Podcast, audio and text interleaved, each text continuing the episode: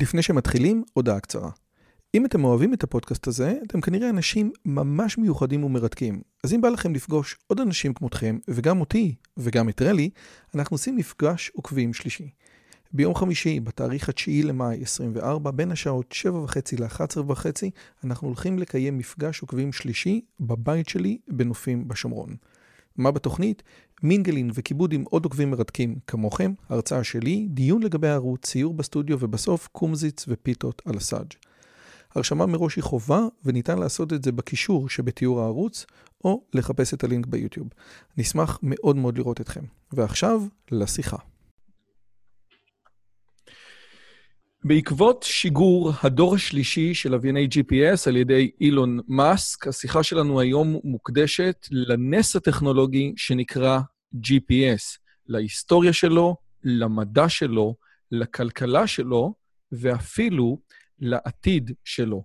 שלום לכולם וברוכים הבאים לערוץ שלי, ערוץ שמדבר על מדע, השכלה, אינטליגנציה, וגם איך לגרום לכם לדעת יותר טוב איפה אתם נמצאים בשיחת הסלון הבאה שלכם. אם עוד לא נרשמתם, אתם מוזמנים גם להירשם וגם ללחוץ על הפעמון, וגם כנסו לחנות שלי. יש לנו שם המון ספרים, את הספר ראש גדול, מהפכת ההשכלה ואינטליגנציה. אני מזכיר לכם שמי שמזמין ספרים מקבל אותם בצורה מאוד יפה עם המארז הזה. חוץ מזה, אתם מוזמנים גם לתרום ולתמוך בנו דרך חשבון ה-Patreon שלנו. אז uh, זהו, אנחנו מתחילים. האורח שלי היום הוא אלי אריאל, מנכ"ל חברת Galileo Satellite Navigation בע"מ, ולפי דעתי, ואתם מדברים עם מישהו שאת הדוקטורט שלו עשה ב-GPS, אחד המומחים הגדולים בארץ לכל הנושא של GPS. אז קודם כל, זו הזדמנות טובה מאוד להגיד תודה רבה, אלי, שבאת והצטרפת. תודה רבה שהזמנתם אותי. תודה רבה. עכשיו, אה, תקשיב, אני, אני, לפני שאנחנו נציג אותך, או, או אתה יודע, אה, אתה לא פרופסור ל-GPS, אתה, אתה, אתה מהנדס, אתה, אה, אה, אה, יש לך חברה מסחרית, ולמרות זאת אני חושב ש, שאתה באמת, אגב, לא רק אני, גם המנחה שלי בדוקטורט חשב ככה, שאתה אחד מהאנשים שהכי מבינים GPS בישראל. אתה יכול אולי טיפה להתחיל ממה ההיסטוריה שלך בהקשרים של GPS, לא מתי נולדת, כן? אלא איך אתה קשור לעולם הזה של GPS. אוקיי, okay, אני התחלתי בעולם הזה של GPS uh, די במקרה, כמו שקורה להרבה אנשים.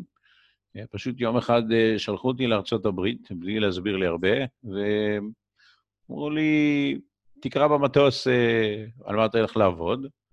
וקראתי במטוס, ושם קראתי על בן אדם שקופץ ממטוס uh, אזרחי שטס ב-40 אלף רגל, ואז בעשרת אלפים רגל הוא פותח מצנח ספורט כזה, ואז הוא פותח את המכשיר שאני צריך לעשות לו, באמצעות המכשיר הוא מנווט ונוחת בדיוק של מטר על גג של בניין, ושם הוא משחרר את בני הערובה. מי שזוכר, אז היה הרבה עניינים של בני ערובה, וזהו, כאילו ג'יימס בונד כזה, כאילו 40 אלף רגל, אתה צריך חמצן, גם די קר, ואתה יורד למטה, אתה מגיע אולי לאיראן, ואתה נהיה לך חכם, זה, זה מעניין.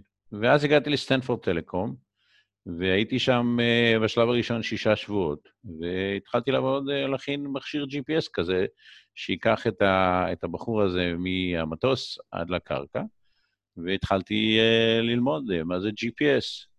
והיה לי מזל גדול, כי בסטנפורד טלקום ישבו כל החבר'ה שבנו את מערכת ה-GPS.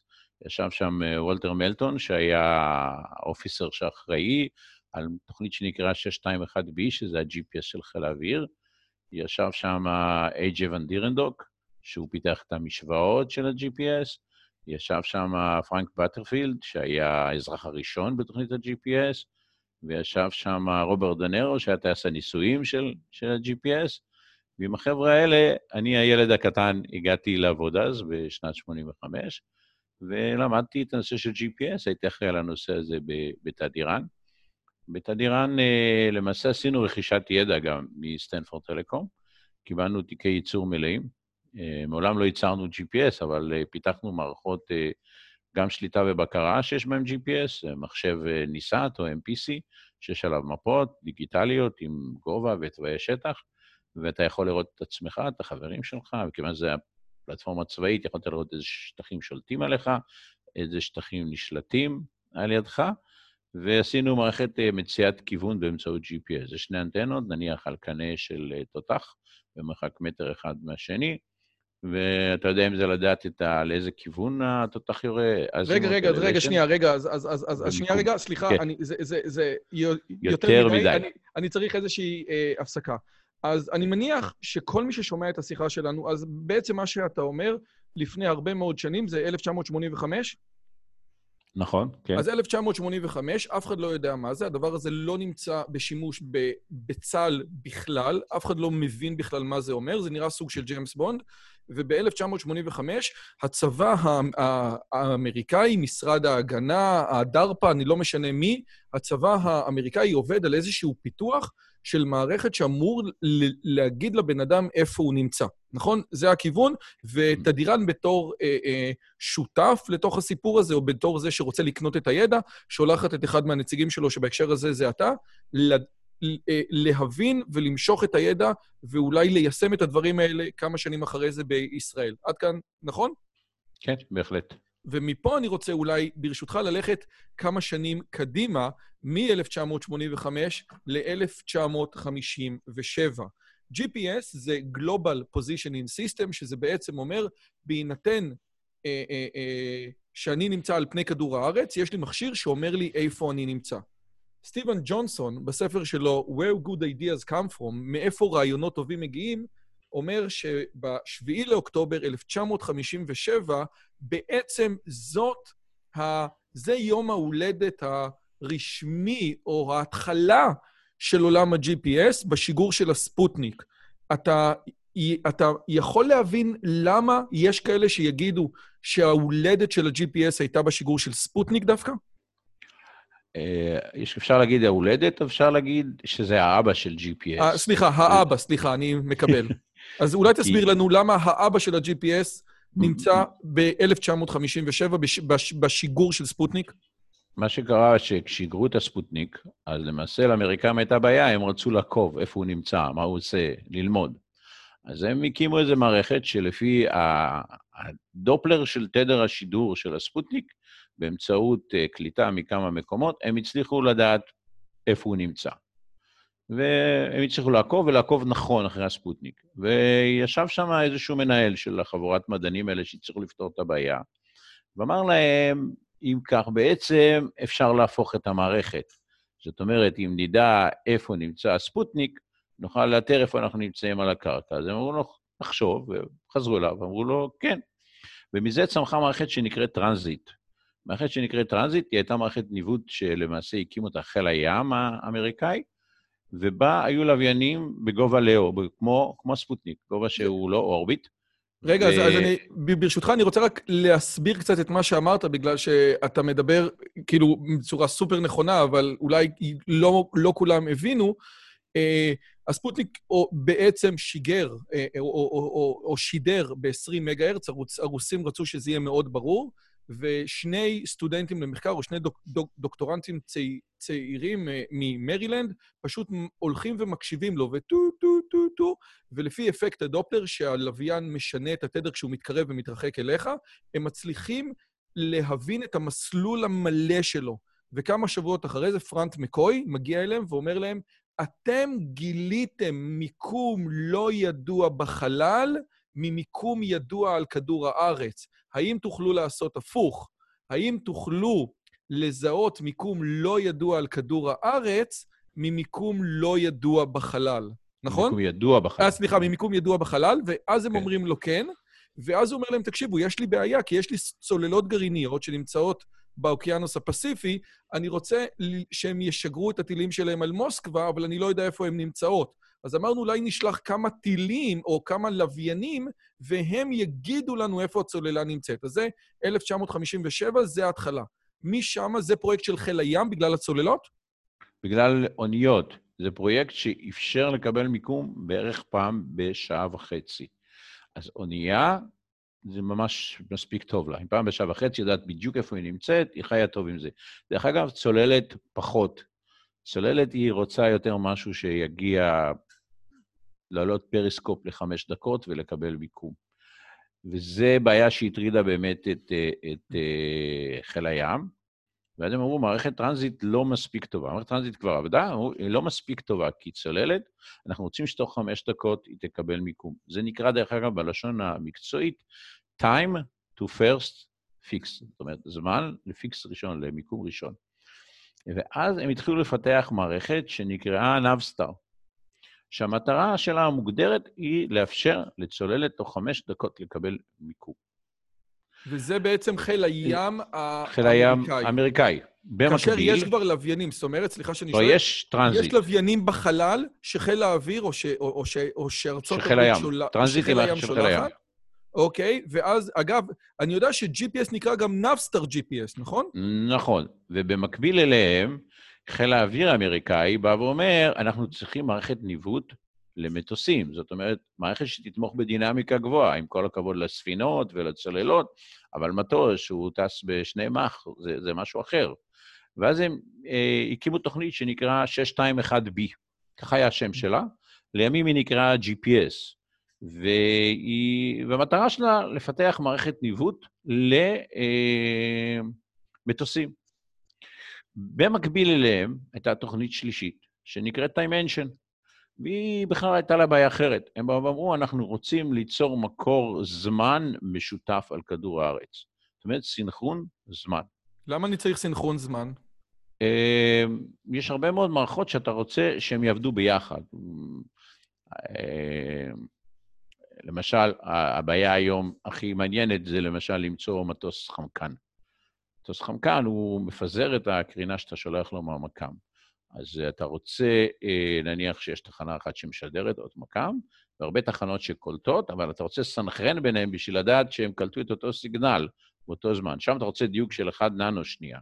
אבל כשהם התחילו, הם התחילו עם בעיות יותר קטנות של סנכרון זמן בעולם. אתה רוצה שאירועים בעולם יהיו מסונכרנים. אז מתוך שלושת התוכניות האלה, Dimension אפילו שיגרה אה, לוויינים. ואז אה, הם הגיעו לקונגרס לבקש כסף, כל אחד בנפרד, והקונגרס אמר להם, תשמעו חבר'ה, אתם מבזבזים לי את הכסף, בואו ותעבדו ביחד. והקימו משהו שנקרא Joint Program Office, זאת אומרת, תוכנית משותפת, ואמרו, כל השלוש תוכניות הצטרפו פה אה, ביחד. באותה הזדמנות הם צירפו את הארמי, כי הם יודעים שהארמי הוא ילד יותר איטי כזה, הוא יגיע יותר מאוחר ויגיד שגם יש לו דרישות, אז צירפו אותו לתוך הדבר הזה. ובאמת, כשאתה אומר על השם, הסיפור אומר שהוקם ה-Joint Program Office, והגיעו החבר'ה מנאבסטאר, ואמרו, יש לנו uh, שם נהדר למערכת, נאבסטאר, זה ראשי תיבות, Navigation by something. אוקיי, אמרו להם, זה שם נהדר, ותרגישו בבית, ואנחנו נשתמש בשם שלכם, ואנחנו איתכם, והכל בסדר. אבל אחריהם הגיעו החבר'ה מחיל האוויר, אמרו, יש לנו שם נהדר, GPS, Global Positioning System. אמרו להם, תרגישו בבית, זה שם נהדר, אנחנו נבחר בשם שלכם, הכל טוב. את האמת שלא הגיעו. אז השם הרשמי של המערכת זה GPS Navstar. השם היותר קצר הוא זה שתפס ואנחנו משתמשים בו, אבל כל מסמך רשמי, זה בא משני התוכניות. רגע, אז אני רוצה אולי לחדד את הנקודה הזאת, בגלל שאתה אומר פה דברים לא יפים על הארמי, אני רק רוצה לחדד, הארמי זה בעצם הצבא, צבא היבשה של ארצות הברית, כן? Mm-hmm. ובסופו של דבר, גם חיל הים וגם חיל, ה... גם חיל האוויר וגם המקום הזה שרצה את הסינכרון, בעצם הבינו שני דברים. א', שבנקודת הזמן הנוכחית הארמי לא מבין את המשמעויות של המערכת הזאת עבורו, אבל ברור לגמרי שמהרגע שהיא תהיה שמישה, הוא ירצה אותה. אז הם יתנהלו איתו כמו אה, סוחר סמים, כן? הם, אתה, אתה יכול לחדד את ה... את ה, את ה זאת אומרת, את כן. שני הדברים. זאת אומרת, גם איך יכול להיות שהארמי יתנגד לשלם, כן? על תוכנית שאומרת איפה בן אדם נמצא. זה נראה לי איזשהו אה. משהו מאוד קריטי לצבא. הבעיה היא כפולה. קודם כל, הקונגרס אמר, יום אחד הארמי יגיע, ואמר, לא שאלו אותי, אז אני רוצה לעשות תוכנית ונבזבז עוד פעם כסף. זה צד אחד. צד שני, הארמי הוא באמת, אה, בגישה שלו, הבסיסית, הוא אמר, לא צריך GPS. למה צריך GPS?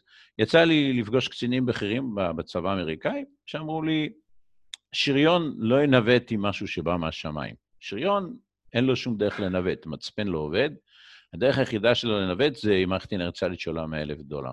למה מצפן לא, לא, לא עובד בשריון? כי הטנק הוא גוף מתכתי, ואז המצפן הוא, הוא מסוכך. אתה לא יכול אוקיי. להשתמש בו. ואני חייב להגיד, יצא לי גם לפגוש קצינים בכירים בצבא היבשה בישראל, שאמרו לי, למה צריך uh, GPS? בכלל, אז היה 25 מטר דיוק. בכלל, אין 25 מטר דיוק במפה. חוץ מזה, אני תמיד מנווט, אני לא צריך שום דבר. אני מסתדר. זה קצת מזכיר את התקופה שנניח עברו מחרב לנשק חם, אז אמרו, תשמע, מי שמשתמש באקדח זה לא גבר, צריך לדעת להשתמש בחרב וחנית וכן הלאה. אלי, אבל עדיין כן. בבד אחד, אחד הדברים המשמעותיים שעושים זה ניווט, ועדיין מדברים על מטכ"ל שעושים ניווטים של ניווט יחידים, אז... אז נכון. מה... מה אז, אה, אז, אז זה אומר, האם אני יכול לנווט במידה ויזכרו לי את ה-GPS מאיזושהי סיבה? עדיין, אני צריך יכולת לנווט. מערכת ה-GPS היא מערכת פגיעה, אבל בואו נגמור את הנושא שהתחלנו כן, ונעבור. אז באמת, אה, לאורך השנים, יש סיפור מאוד מעניין, הארמי לא השתמש ב-GPS. ואז אה, זה שאתה אומר אה, סוחרי סמים, בא הגוף המנהל ואמר, איך אני גורם לו להשתמש? אני צריך לתת לו בחינם קצת, שירגיש ושיראה איך זה, ואז כשהוא יתמכר, ניקח ממנו כסף. אבל לגרום לו להתמכר עם מכשיר שעולה 50 אלף דולר, מה שעלה ה-GPS, זה יקר מדי. אז הם פנו לתעשייה, במודל שהיה די חדש אז, של Non-Development Item. אנחנו לא משלמים לך פיתוח. תביא לנו מכשיר GPS שהוא אזרחי, CA קוד, לא, לא הקוד הצבאי. נגיע לזה עוד רגע, ל-CA קוד. וכמה שיותר זול, ושיעמוד במפרט שלנו. ובאמת, במכרז הזה אה, זכתה חברת טרימבל. אה, יש הרבה סיפורים על המכרז הזה, אבל זכתה חברת טרימבל. ב-5,000 דולר מכשיר GPS. זה כמו מכשיר GPS שאנחנו מחזיקים ביד, או שהחזקנו ביד לפני שנים. ובאמת אה, קנו מהם איזה 5,000 או 10,000 יחידות, ואז פרצה מלחמת המפרץ הראשונה, והם פשוט אמרו לטרימבל, תייצרו כמה שאתם יכולים יותר. באמת היה ייצור וייצור וייצור, וזה הפך להיות מכשיר סטנדרטי במלחמת המפרץ הראשונה, והוא למעשה זה שניהל את כל הכוחות אה, בעיראק. כי היו שם 16 או 17 צבאות שנלחמו ביחד, כל אחד עם השיטות שלו, עם הזה שלו. זה, זה מתכון בטוח למלחמות אה, כוחות... מתכון בטוח לאסון. כן. וה-GPS באמת פתר את הבעיה, לא היו כאלה מקרים. GPS גם הצליח במקומות אחרים, גם בטומהוקים במלחמה הזאת, הוא הראה אחוזי פגיעה של כמעט 90 אחוז, לעומת 45 אחוז בכאלה שלא היה להם GPS. אבל זה היה השיטה להיכנס. דרך אגב, כשנגמרה המלחמה, בבת אחת נגמר הייצור של המכשיר הזה שנקרא סלאגר, ואז טרימבל נכנסה לצרות פיננסיות, הוציאו ספר על זה, איך הם נכנסו לזה, איך הם יצאו מזה. כן. אז, אז, אז בעצם אתה אומר שמלחמת המפרץ הייתה המלחמה הראשונה במערב, או במאה ה-20, ש-GPS נכנס בצורה משמעותית בשני אספקטים. א', בניהול לקוחות, והדבר השני, גם בטילים שהם מונחי GPS. עד כן. כדי כך שאולי אולי כאילו ממש קשה לנו להבין איך אנשים הסתדרו פעם. אני רוצה לתת איזושהי דוגמה. אבא של אשתי עשה לאחרונה סקיפר, כן? ואחד הדברים ברישיון סקיפר, כן? משיט יאכטות, ברישיון סקיפר שמלמדים זה איך לנווט, כן? בלי GPS, אבל, אבל תוך כדי ה, ה, ה, המשפט שאומרים הסקיפרים, זה שהדרך הנכונה, הדרך הכי טובה לנווט אם המכשיר GPS שלך לא עובד, זה להביא עוד מכשיר GPS, כן? כי, כי עושה רושם שאי אפשר היום בלי GPS. אתה לא איש צבא, אבל עבדת כל כך הרבה שנים. לפי דעתך, הצבא הישראלי היום יכול להסתדר בלי GPS אם ארצות הברית סוגרת את ה-GPS ולא מאפשרת יותר קליטה. אתה חושב שהצבא הישראלי יכול להסתדר בלי? אה, יש לזה שתי תשובות. אחת, אה, הצבא האמריקאי יכול לסגור את ה-GPS לכל העולם, הוא לא יכול לסגור אותו לישראל בלבד. זה ברור וזה נבדק גם על ידי האמריקאים וגם על ידי הישראלים.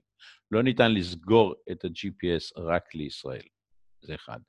שניים, הגישה של האמריקאים זה שבמצב חירום הם לא יסגרו את ה-GPS לכל העולם. נניח אם תהיה מלחמה בעיראק, אז הם ידאגו שבעיראק לא יקלטו GPS על ידי הפעלה של ג'מרים, לא על ידי סגירת ה-GPS. זה uh, התשובה השנייה. התשובה השלישית זה שנעשה מחקר לפני uh, כחצי שנה, ששאל מה יקרה אם יסגרו את ה-GPS ל-30 יום. את ה-GPS, אבל גם עם כל התחליפים שלו, כי היום יש מערכות uh, תחליפיות כמו ביידו וכמו uh, גלילאו וכמו... נגיע, נגיע אליהם עוד רגע, זה בעצם okay. אוקיי. המקבילות של ה-GPS. כאילו, אם יסגרו של... את כל הניווט הלווייני, אם Waze לא עובד... במשך 30 יום, אז ההפסד למשק האמריקאי, לא לכל העולם, רק למשק האמריקאי, זה אה, ביליון או מיליארד דולר ליום, בתנאי שזה לא בין אפריל למאי. אם זה בין אפריל למאי, אז ההפסד הוא הרבה יותר גדול. ולמה בין אפריל למאי? כי בין אפריל למאי קוצרים. כל הקצירה היום בארצות הברית היא על ידי קומביינים לא מאוישים.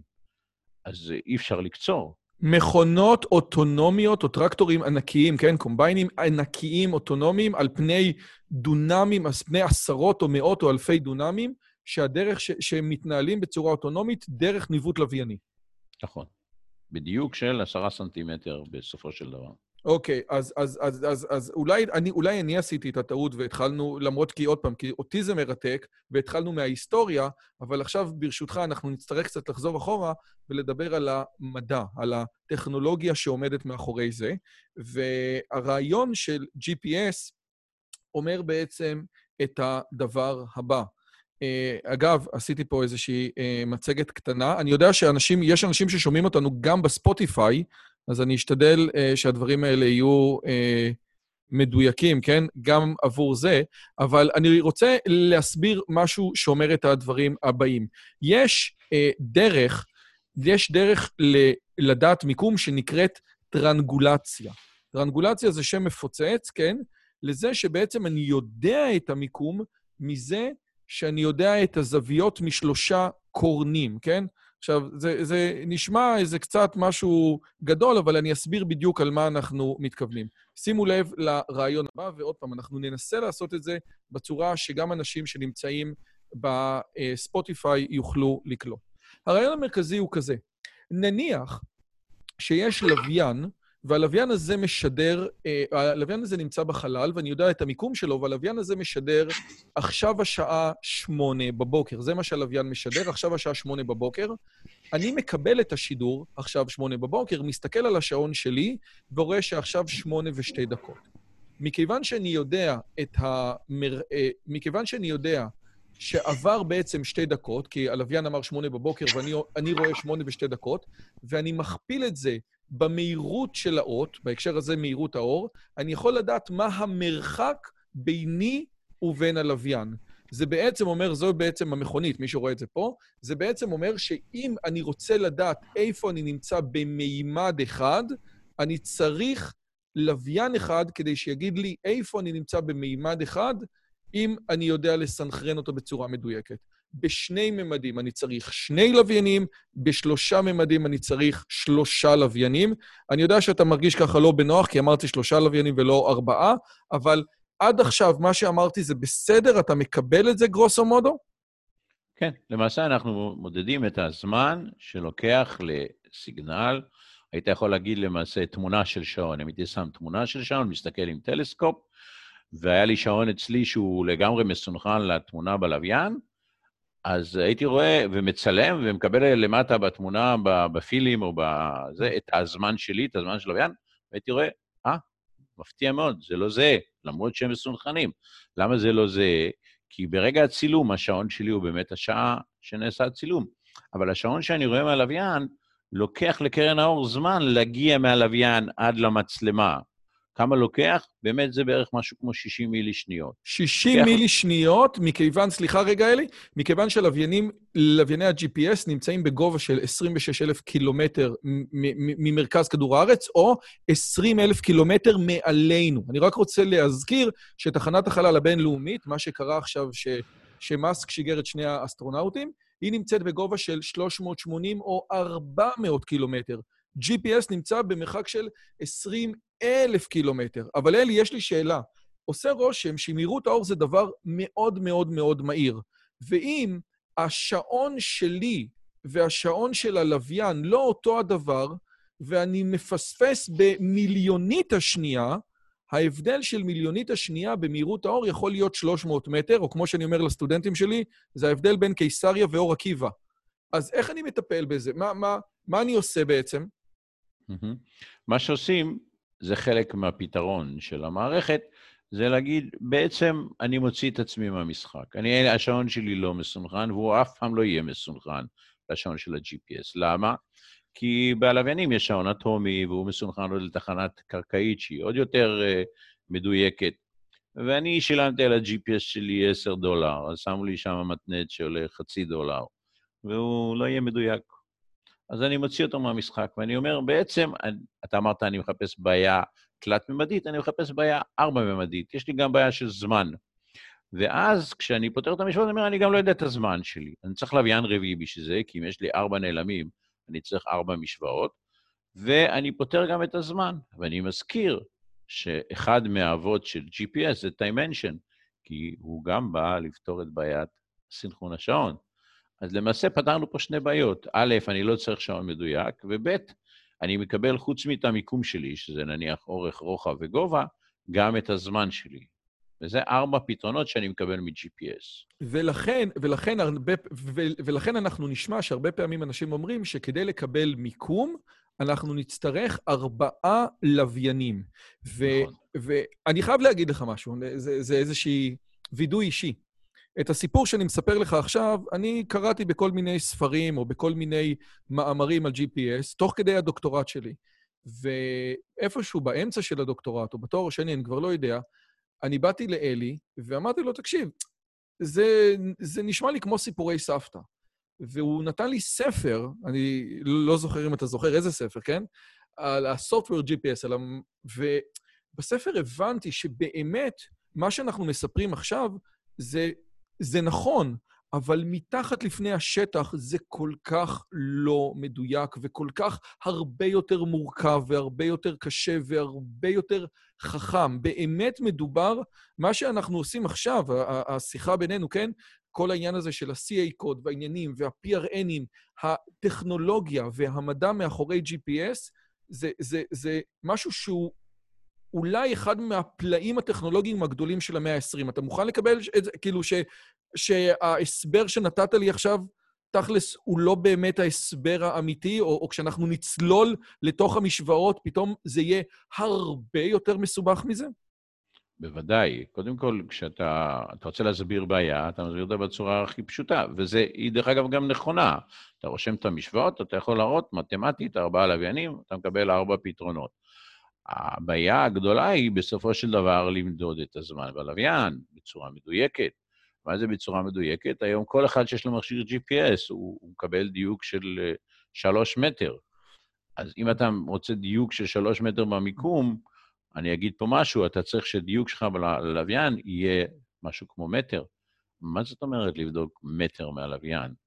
זאת אומרת, צריך לבדוק את הזמן בלוויין בדיוק של מטר. מטר דיוק בלוויין זה שלוש ננו second. למדוד מרחק או, או זמן בדיוק של שלוש ננו second, זה לא דבר פשוט. אז יש הרבה טכנולוגיה איך עושים את זה.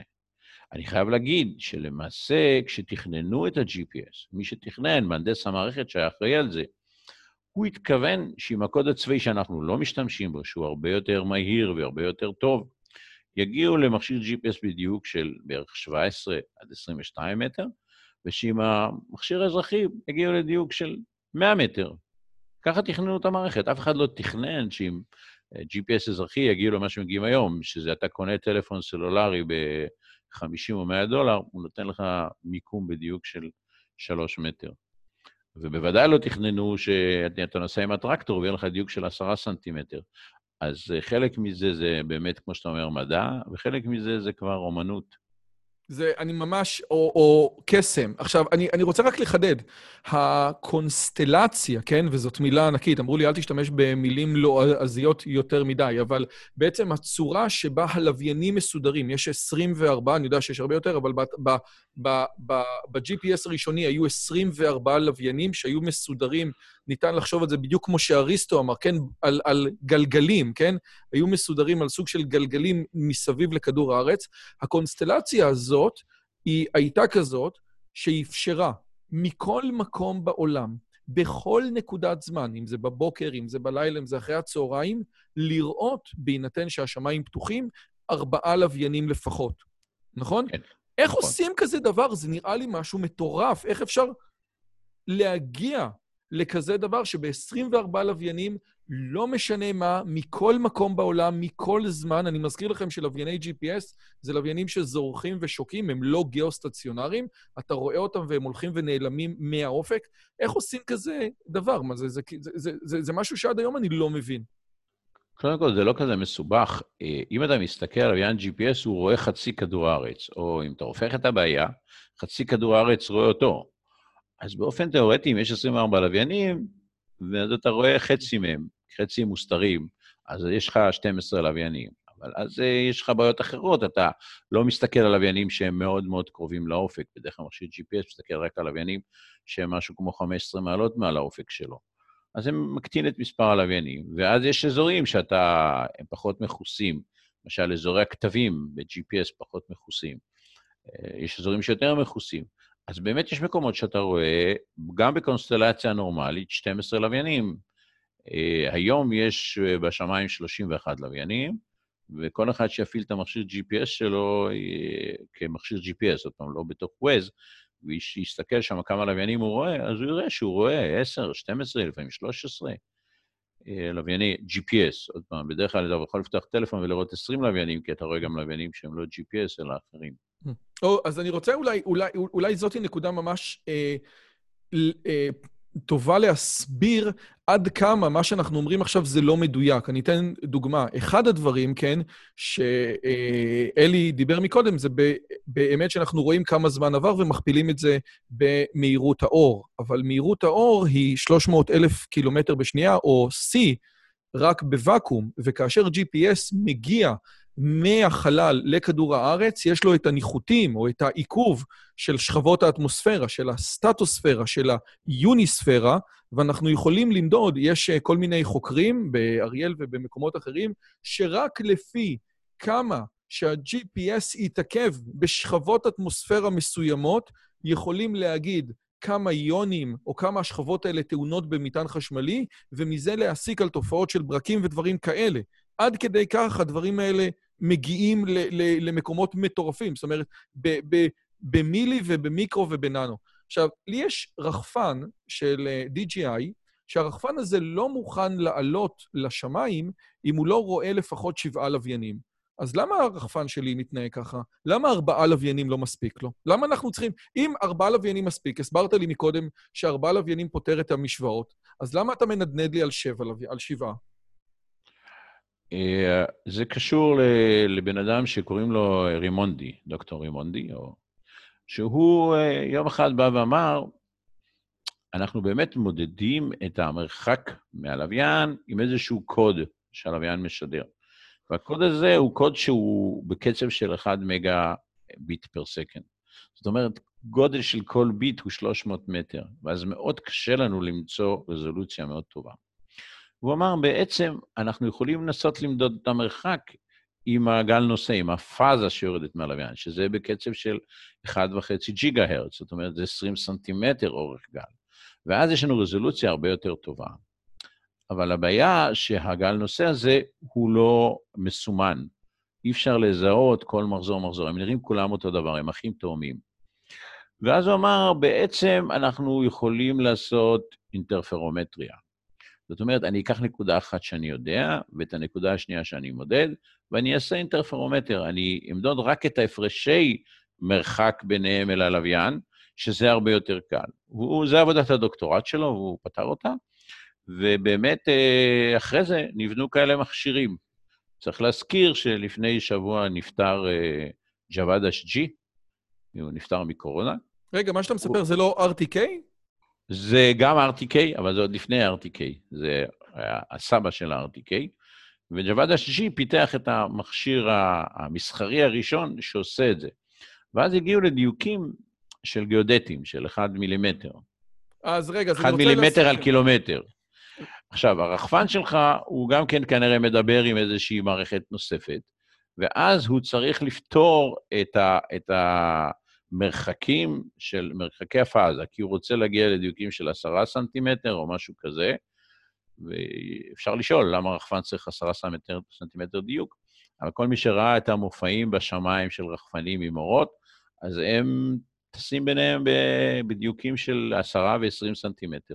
אז... אז רחפנים כאלה צריכים לפתור בעיה יותר קשה, בגלל זה צריך יותר לוויינים. אז בעצם מה שאתה אומר זה שיש לנו שני סוגים של GPS. אחד זה נקרא Code Phase ואחד Carrier Phase, אבל בגדול אחד זה ה-GPS הסטנדרטי שלנו בפלאפון, mm-hmm. שהוא, כמו שאמרת לי, כן?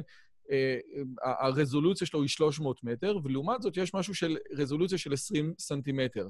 הרזולוציה של 20 סנטימטר היא מה שנקרא GPS גיאודטי. לצורך העניין, אנשים שהם מודדי קרקעות משתמשים ב-GPS הזה כדי לדעת בדיוק איפה אתה נמצא. יש עבודות בטכניון, רק שתבינו, ששמים מקלט, מצמידים מקלט GPS לגשר, מודדים עד כמה הגשר זז בכמה מילימטרים, ועד, וכדי זה מודד, כאילו בודקים אה, אה, אה, אה, האם הגשר הוא יציב או לא.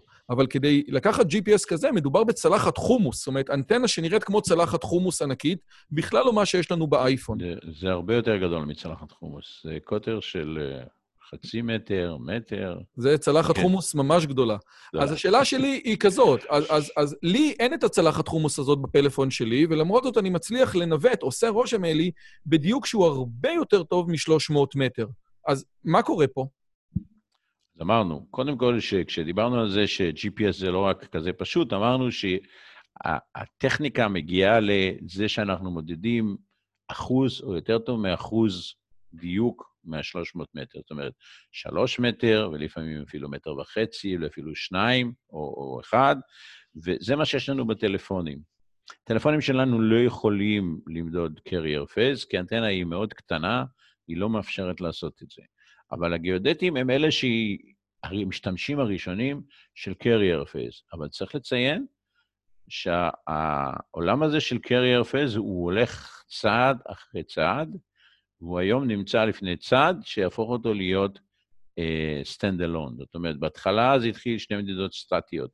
אני רוצה למדוד מרחק בין שתי נקודות, אז נניח גיאודטים אומרים נניח 300 קילומטר בין שתי נקודות, בדיוק של 1 ppm, זאת אומרת מילימטר על קילומטר, אני יכול לעשות את זה עם GPS, מדידה בזמנו של שלוש שעות. היום גם ב-20 דקות עושים את זה. זאת אומרת, אתה שם רק ו... שנייה, אלי, סליחה שאני מפריע לך. אני שם שני GPSים, אתה מחכה, 300... אתה, אתה מחכה פשוט, זאת אומרת, אתה מחכה עם המקלט שלך, לא, רואה לא מעט מדידות, ממצע אותן, ואז המיצוע של המדידות נותן לך את הדיוק הכי גדול. הדבר הזה לא רלוונטי למי שנוסע עם Waze. אתה, לא, אתה צריך עכשיו את המדידה, ועוד mm-hmm. שנייה אתה צריך משהו אחר.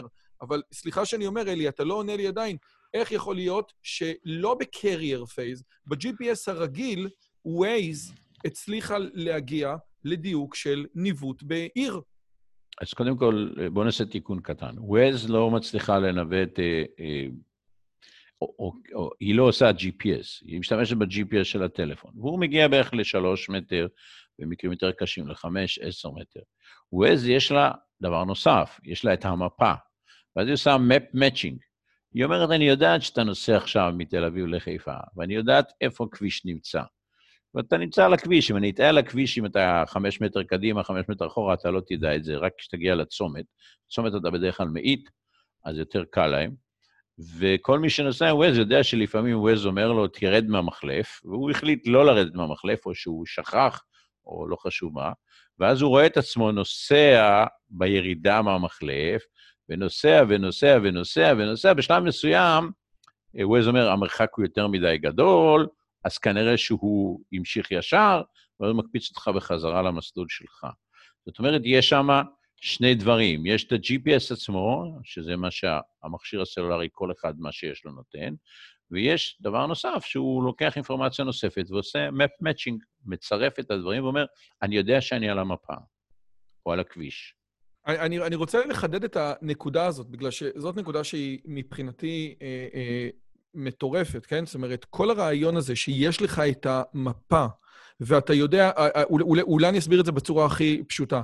אם אתה נוסע על כביש 4 צפון לכיוון דרום, כמו המשוגע הזה שנוסע נגד הכיוון, אז Waze יראה שאתה נוסע באזור של כביש 4 במהירות גדולה מאוד דרומה, וישים אותך על כביש 4 דרום.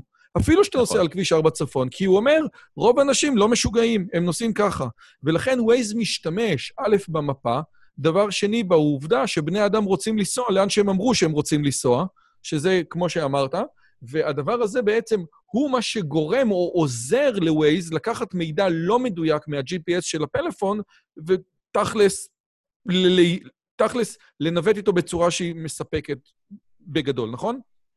כן, בהחלט. אוקיי. זה שילוב של שני מקורות מידע, אלגוריתם שמצרף אותם. עכשיו, אני, יש אה, ספר שכתב סטפן צוויג, שנקרא שעות הרות גורל. ובספר הזה הוא מדבר על נקודות בהיסטוריה שבה ההיסטוריה השתנתה. 24 שעות ששינו את כל מהלך ההיסטוריה. ועושה רושם שלגבי ה-GPS יש לא שעת שעות הרות גורל, אלא שעה הרת גורל.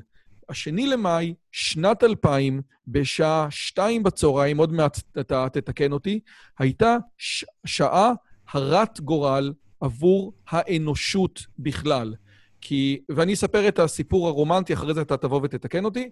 בשני במאי, שנת 2000, בשעה שתיים בצהריים, ביל קלינטון לחץ על כפתור שבעצם הוריד את השגיאה המכוונת שצבא ארצות הברית הוסיף על מקלטים אזרחיים, וברגע אחד, משגיאה ממוצעת של משהו כמו 100 או 50 או 100 מטר, השגיאה נהייתה 20 או 10 מטר. והנקודה הזאת בזמן, השני למאי שנת 2000, זאת הנקודה שבה האנושות מתחילה לחשוב, רגע, אני יכולה להשתמש ב-GPS למטרות שהן אזרחיות, ומהרגע הזה הכל משתנה. אז אחרי שהייתי מאוד רומנטי, בוא תתקן אותי, או אל תתקן אותי. אתה מקבל שהנקודה הזאת זו נקודה שמשנה את האנושות?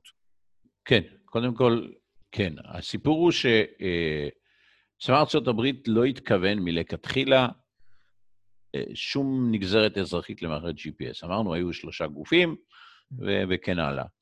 בשלב מסוים, בספרים כתוב שהמפעילי המערכת גילו שגם אזרחים יכולים להשתמש בזה.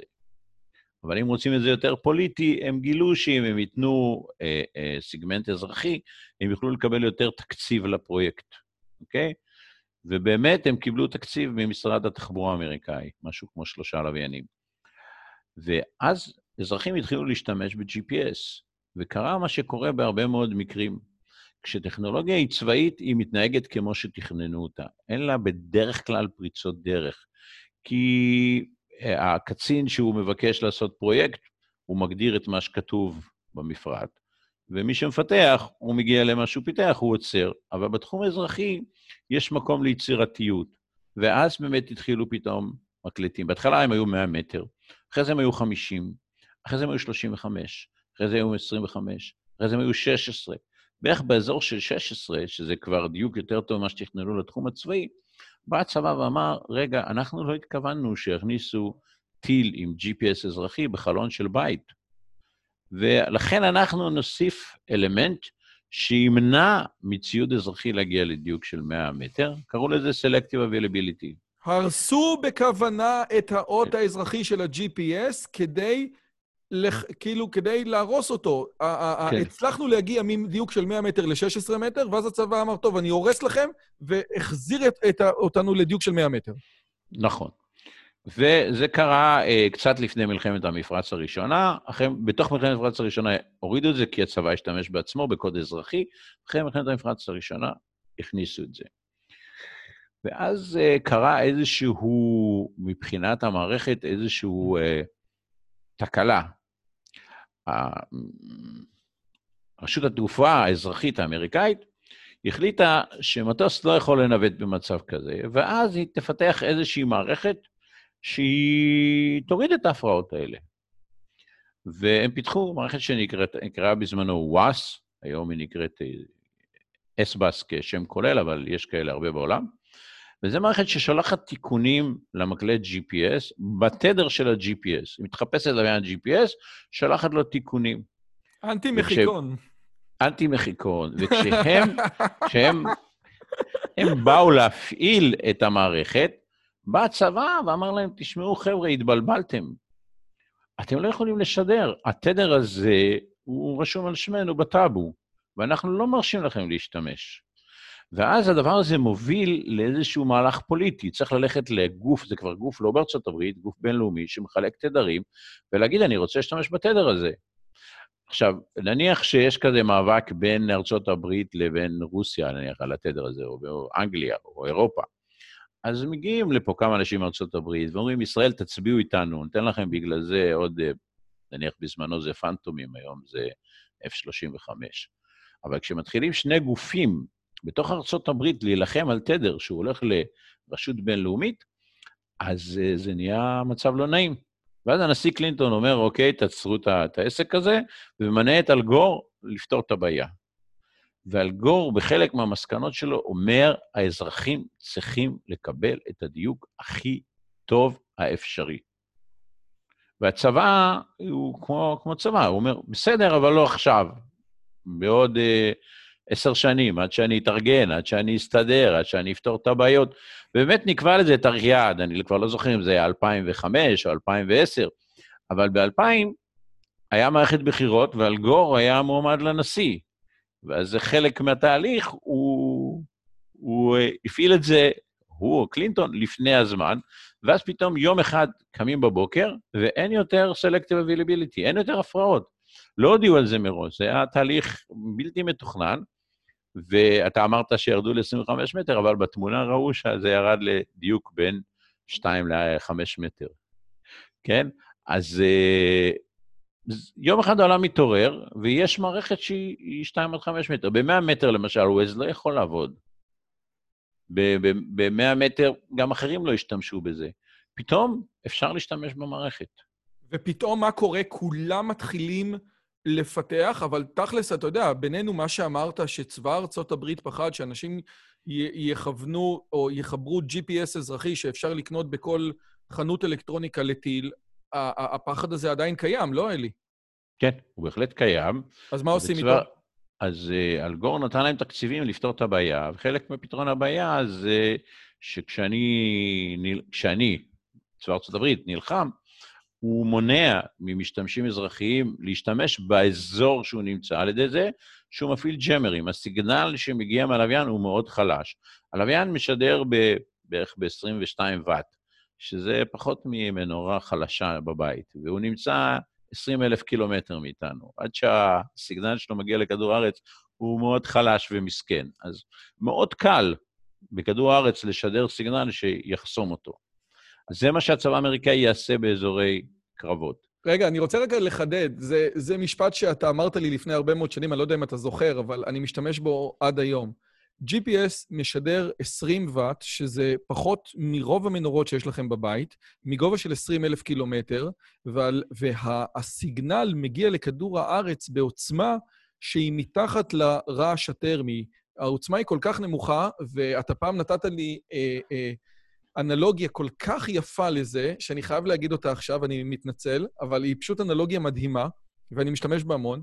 זה כאילו שאני מסתכל על אדוות הגלים בים, ודרך אדוות הגלים אני אומר, שלוש קילומטר מתחת לגלים האלו יש פה צוללת, ועכשיו בצוללת מישהו הפליץ.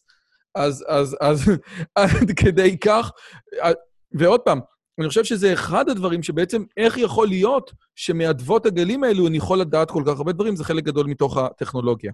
ועכשיו, מפה אני רוצה לעבור למה שנקרא אה, אה, אה, מערכת, כי אמרת, יש מערכת שנותנת את זה.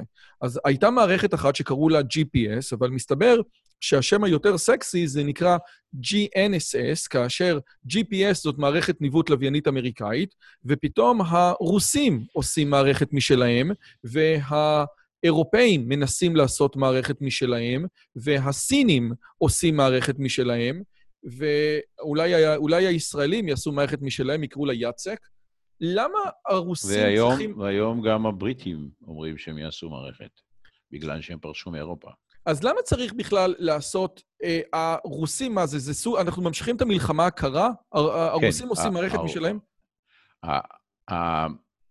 המערכת האמריקאית שיגרה לוויין ראשון של GPS ב-78, ואז הרוסים אה, מבינים שהולכת לקום מערכת כזאת, והם מתחילים לפתח מערכת מקבילה שנקראת גלונס, והם משגרים את השיגור הראשון שלהם ב-82. וזאת מערכת בהתחלה, עוד פעם, סגורה לחלוטין, אין בה שום דבר אזרחי. מי שפתח אותה לשימוש uh, לאזרחים זה גורבצ'וב בסוף uh, תקופת הנשיאות שלו, ואז זאת מערכת שמתחרה ב-GPS. היא פחות טובה, היא פחות מדויקת, אבל היא, היא, היא מאפשרת לעבוד. לאחר כמה שנים האירופאים החליטו שגם הם רוצים מערכת משלהם. רגע, רגע, אלי, אבל לפני שאתה מגיע למערכת האירופאית, אולי, אני, אני רוצה עוד מילה אחת על גלונס, מכיוון שאני שמעתי שבעצם אולי גורבצ'וב פתח אותה, אבל מי שהפך אותה להיות משמעותית היה פוטין, בזה שהוא אמר לחברות כמו סמסונג ואייפון, אם אתם רוצים mm-hmm. למכור את המכשירים שלכם ברוסיה או באימא רוסיה, הם חייבים להכיל ג'יפ, אה, צ'יפ של לא רק GPS, אלא צ'יפ גם של גלונס. ומכיוון. שרוסיה זה מקום גדול מאוד, מי שהעובדה של המקלטים שלכם, של השיומי שלכם, או לסמסונג, או לאייפון שלכם, בישראל, יש היום מערכת של מה שנקרא גלונס, היא בגלל לא גורבצ'וב, אלא שפוטין אמר, אם אתם לא תשימו את המערכות, את הצ'יפים האלה בפלאפונים שלכם, אתם לא תמכרו אותם ברוסיה. זה נכון? אתם, זה, לא, זה נכון, לא מדויק. הוא אמר... אה, בגלל זה אתה פה. תש, אתם תשלמו 50 דולר, קנס או מס, איך שאתה רוצה לקרוא לזה, על כל אה, מכשיר שתמכרו ברוסיה ולא יהיה בו גלונס. יהיה לו GPS ולא יהיה גלונס. אז במקום לשלם 50 דולר, יותר פשוט אה, להוסיף גם גלונס לטלפון החכם, ולא להתווכח איתו. מעולם אף אחד לא שילם את ה-50 דולר האלה, אבל זה איום שעבד. היום, כן, הוא... היום, היום היית אומר שגלונס היא מערכת פחות טובה, המערכת הרוסית. גלונס, זאת המערכת GPS הרוסית, היית אומר היום שהיא פחות טובה מ-GPS, או שזה דברים שהיו לפני 30 שנה, והיום הן מערכות שהן זהות לגמרי? היא, היא בבירור פחות טובה מ-GPS, היא פחות מדויקת. אפילו אה, ברוב המקרים, אם אתה משתמש ב-GPS והכול בסדר, אתה מוסיף גלונס, אתה מקלקל את הדיוק. המקום היחידי שגלונס עוזר לך כשאתה מנווט זה כשאתה נוסע נניח באזור של אה, הבורסה ליהלומים ברמת גן. יש הרבה בניינים גבוהים, ואז מוסת... השמיים מוסתרים, ולפעמים אין לך ארבעה לוויינים פשוט, אז אתה לא יכול לנווט. אבל אם יש לך גלונס, אז יש לך עוד עשר לוויינים בשמיים, אז יכול להיות שיהיו לך עכשיו ארבע לוויינים בכל רגע נתון. אני מכיר מישהו שעשה את הדוקטורט שלו על האזור הזה של הבורסה. אה, רגע, כן. אז, אז, אז בוא'נה, זה נורא מתסכל מה שאתה אומר. הרוסים משקיעים כל כך הרבה כסף, ובסוף יוצא מערכת, ואגב, אני לא ידעתי מה, את מה שאתה אומר, שאם המצב טוב ב-GPS ואתה מוסיף גלונס, אתה רק מקלקל. בהחלט, כן. טוב, אז בואו נעבור לגלילאו.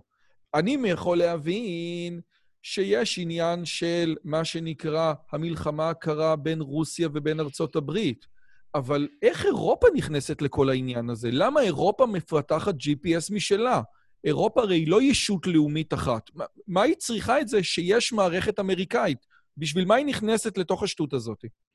אירופה באה ואומרת, לא יכול להיות שאנחנו מעצמה, והם מסתכלים על עצמם כמעצמה, ואנחנו נקבל שירותים ממישהו. זאת אומרת, לא יכול להיות שמוטס אירופאי יטוס על מערכת אמריקאית, שמחר אפשר לסגור אותה. אז בשלב ראשון הם מדברים, וקלינטון מבטיח להם שהוא לא ישנה שום פסיק במפרט של GPS בלי להודיע עשר שנים מראש. אבל הם אומרים, נו, הוא הבטיח, אז, אז מה? אוסטי גזוקט, מה שנקרא. כן, אז מה? הוא הבטיח. הם אומרים, אנחנו רוצים אנשים שלנו שיושבים, אופיסרים שלנו שיושבים בתוך מערכת ה-GPS. אנחנו הזכרנו שהצבא בזמנו נתן לאזרחים להיכנס לתוך מערכת ה-GPS וקיבל אופיסרים של משרד התחבורה, והוא בכה על זה הרבה שנים. אז הוא אמר, לא, זה אנחנו לא מוכנים. עוד אופיסרים שיסתובבו לנו פה וינהלו לנו את החיים, אנחנו לא מסכימים. ואז בסופו של תהליך, אירופה החליטה שהיא מפתחת מערכת אה, אה, GNSS משלה. הדגל שהיא הלכה איתו, שזה מערכת אזרחית. זאת אומרת, GPS היא מערכת צבאית עם נגזרת אזרחית, גלונס היא מערכת צבאית עם נגזרת אזרחית, ואנחנו נפתח מערכת אזרחית. חייבים להגיד שהיום כשבריטניה אה, פרשה מהאיחוד האירופאי, אז התפרסם שהאירופאים אמרו להם שהם לא יוכלו להשתמש בקטע הצבאי של המערכת האזרחית, שהוא לא קיים בכלל, כן? רגע, בקטע הצבאי של המערכת האזרחית של ה-GPS, שהם לא פיתחו, אז הם לא יכולים כן. להשתמש בזה. אז הם לא יכולים להשתמש, ולכן בריטניה הולכת לפתח אה, אה, מערכת אה, GNSS משלה. היא התפרסם השבוע שהיא קנתה בבריטניה איזו חברה שפשטה את הרגל שמפתחת מערכת עם לווייני לאו, למרות שזה לא מתאים, אז עוד לא בטוח איך הם הולכים לעשות את זה, אבל הם הוציאו כסף מהכיס כבר והשקיעו וקנו את החברה ואת הנכסים שלה. המערכת האירופאית היום, אם אני קונה אייפון 12, אני מקבל צ'יפ של המערכת האירופאית גם? יש הרבה מאוד מקומות שיש, אבל חייבים להגיד שהאירופאים, הם גררו רגליים בתהליך הפיתוח שלהם. בשלב מסוים, אה, סין הייתה חלק ממערכת גלילאו, ואז הם פרשו והקימו מערכת שלהם שנקראת ביידו, וביידו שיגרה את השלושה לוויינים האחרונים להשלמת המערכת לפני שבועיים, והם כבר במסלול, הם עוד לא משדרים, אבל זה אומר שבסדר גודל של ימים, מערכת ביידו היא תהיה מערכת עובדת מלאה. זאת אומרת, אתה יכול לנווט על ביידו לבד, אתה לא צריך ביידו ו-GPS. אבל נכון וביידו... לעכשיו, אלי, אתה לא יודע אם ביידו היא מערכת טובה או לא טובה, אין לך מושג היום. אנחנו לא יודעים, אבל לפי הצורה שהיא נבנתה, היא uh, באותה רמה כמו GPS. עכשיו, אתה מחכה למה? סתם אני... זה, זה נורא מעניין, כי את, עוד מעט אני אגיע למה אתה עושה בחברה שלך. אתה מחכה למה? אתה מחכה ש, שסין... ישחררו את המפרט, שסין ישחררו... לא, סין שחררה את המפרט, הכל משוחרר. יש היום מקלטים שקולטים uh, לווייני ביידו. Uh, מי שיש לו... אה, אה, רק, אה, זאת אומרת, אז, אז סין בעצם עשתה את, עבור, עבור המפתחים, או עבור מפתחי הצ'יפים, עבור מפתחי המקלטים, עבודה mm-hmm. מאוד מאוד טובה. קחו, זה המפרט, ככה זה הולך להיות, בבקשה, תראו איך הדברים האלה, וניתן לקלוט לווייני ביידו גם ב- בישראל. כן, אנחנו עושים את זה כל הזמן. אוקיי, okay, עכשיו, לפני שאני מגיע למה שאתה עושה, אני רוצה לשאול שאלה אחת, כי זה הדבר שקשור לכלכלה של GPS. Waze, באקזיט שלה, עשתה בוכטות של כסף. עכשיו, Waze אומנם היא לא חברת GPS, היא משתמשת בנתונים של ה-GPS שהם לא נתונים טובים מתוך הפלאפון ועושה מהם ניסים ונפלאות, אבל למרות זאת, Waze לא שווה שום דבר בלי נתוני ה-GPS. ו-Waze לא שילמה revenue או לא נתנה שום דבר לצבא האמריקאי, שבזכותו הגענו עד הלום. הרעיון הזה הוא רעיון מאוד מעניין, כי בעצם הצבא האמריקאי השקיע סכומי עתק, זה אפילו לא billions of dollar, כן? זה trillions of dollar בכל הסיפור הזה. לא רק ב... אה, לא רק מ-1957, אלא לשלוח לוויין GPS לגובה 20 אלף קילומטר מעל כדור הארץ. זאת פרוצדורה בלתי רגילה. לתקן אותו, לעקוב אחריו, הדברים האלה הם, הם טריליונים של דולרים שהצבא האמריקאי מספק בחינם. אז אולי אני אשאל אותך שאלה כזאת. Waze, לפי דעתך, הייתה צריכה לשלם revenue לצבא האמריקאי על פיתוח ה-GPS? אה, לא, היא לא מתנדבת לשלם אם לא מחייבים אותה, אבל הסיפור הוא כזה, אה, מערכת GPS תוכננה כמערכת צבאית, נניח שלא היינו משתמשים בה, היא עדיין הייתה עולה אותו דבר.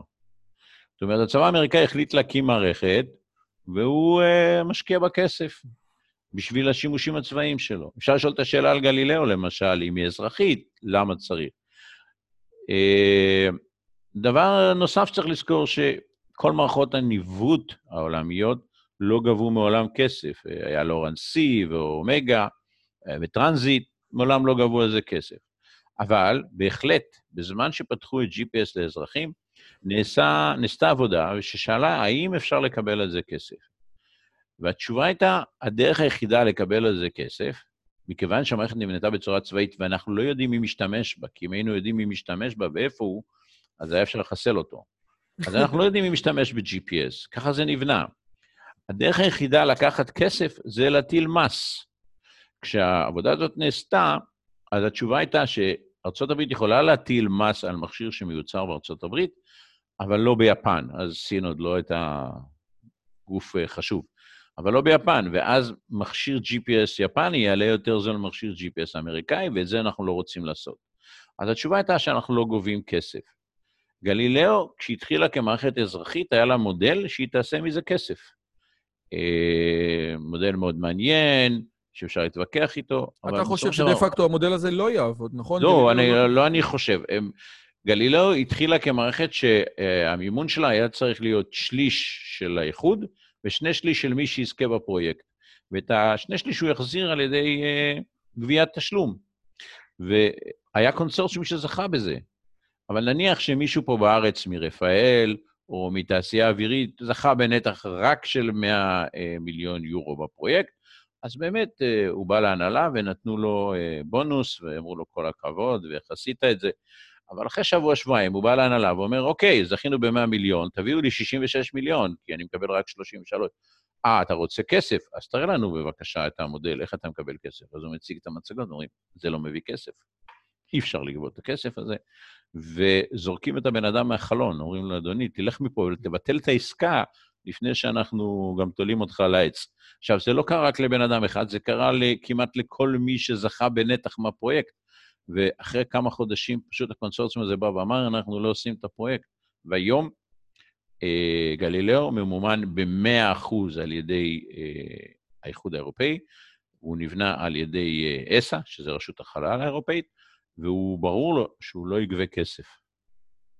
אוקיי, okay, מעולה. ואגב, דווקא בגלל שאמרת ש-GPS רק משדר ולא קולט, או אי אפשר לדעת איפה אתה נמצא, זה מוביל אותנו לדור השלישי של GPS, ש... מה, מה שאילון מאסק שיגר לאחרונה, עכשיו אפשר לבוא ולהתווכח כמה אילון מאסק עוזר לזה או לא, אבל הדור השלישי בעצם, ממה שאני מבין, או, או הלוויינים החדשים ביותר של ה-GPS, אמורים להתנהל בצורה דו-כיוונית, לא רק לוויין שמשדר את המיקום, אלא mm-hmm. גם כזה שמקבל בחזרה. אז, אז אין יותר מתאים ממך כדי להסביר מה זה הדור השלישי הזה, מה יש בו שאין בדור השני, למשל. אז קודם כל נשים את מאסק במקומו. מאסק הוא כמו אה, נהג המשאית שמביא את המחשב על למכון ויצמן. אז זה נכון שהוא הביא את המחשב, אבל הוא לא קשור בזה. מי, שהקים, מי שבנה את הלוויין זה לא קיד. אבל אה, מה קורה בדבר הזה? יש מערכת אה, לקריאות חירום, מערכת של לוויינים, אני לא זוכר כרגע את שמה, אבל אם אתה משדר בתדר 400, אה, 400 מגה-הרץ, אתה מודיע את המיקום שלך, אז יכול להיות שיבואו להציל אותך ויכול להיות שלא יבואו להציל אותך, אבל זה גורם לאנשים לשדר כל הזמן את הקריאת חירום שלהם, כי הם לא יודעים אם יענו להם, לא יענו להם. בגלילאו החליטו לשים אה, כזה משיב. זאת אומרת, זו עוד מערכת שנמצאת במקרה על הלוויין של גלילאו, שבו אתה משדר ועונים לך acknowledge, זאת אומרת, קיבלנו, הבנו, לא בטוח שנבוא להציל אותך, אבל תפסיק לצעוק, מה שנקרא. והדבר הזה עבר גם ללווייני אה, GPS. זאת אומרת, גם בלווייני GPS בדור השלישי, יש כזה מערכת שקולטת, מעבירה את התקשורת שלך לגורם ההצלה, ועונה לך, קיבלתי, הבנתי והעברתי את זה. אין צורך שתשדר עוד פעם את הקריאת מצוקה שלך.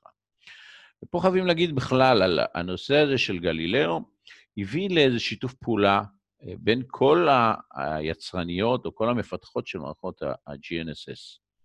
גלילאו פיתח איזשהו אה, אות שהוא אות אזרחי מיסודו, הוא לא אות שבא כחלק מהאות הצבאי, ושם אותו, אה, אחרי הרבה מאבקים, על אותו תדר שמשדרים עליו את GPS, כך שאותו מקלט יכול לקלוט גם גלילאו וגם GPS. ואז הייתה איזושהי החלטה משותפת של האמריקאים, של האירופאים ושל הרוסים. הסינים בינתיים עוד לא, שהם הולכים לשדר את אותו סיגנל אה, גם בלוויינים שלהם. זאת אומרת, גם הרוסים במשך הזמן ישדרו משהו שהוא דומה לסיגנל של גלילאו, וגם האמריקאים. אבל כשהאמריקאים העלו את אה, GPS 3, שהוא הראשון שמתחיל לשדר סיגנל כזה, שנקרא, בלשון המקצועית, L1C, זה השם שלו, אז הם פיתחו סיגנל לגמרי חדש, הוא נראה אותו דבר מבחינה ספקטרלית כמו הסיגנל האירופאי, אבל הוא שונה לחלוטין, יש בו את כל החוכמות של תקשורת היום, כל התיקוני שגיאות, כל הוויטרמים למיניהם, כל השיטות תפנון המיוחדות, בשביל לתת ביצועים הרבה יותר טובים. אז בסופו של דבר זה לא יהיה גלילאו, זה רק ייראה כמו גלילאו. ויהיה הרבה יותר טוב.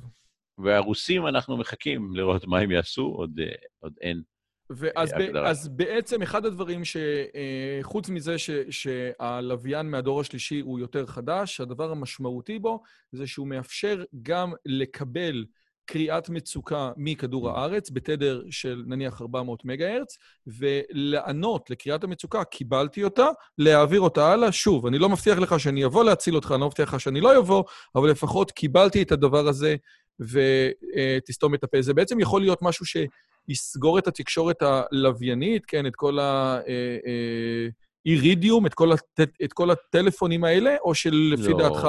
לא, אירידיום נותן אה, שיחת טלפון, אתה יכול לדבר.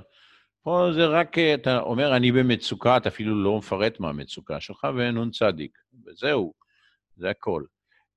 צריך להגיד עוד משהו על GPS 3. GPS 3, יש לו אנטנה כיוונית. כשרואים את התמונה שלו, זה נראה כמו מטריה שיושבת מעל הלוויין. האנטנה הכיוונית הזאת מאפשרת לשדר אה, סיגנל בעוצמה של 20 dB. 20 dB זה פי 100, יותר חזק, לאזור מסוים.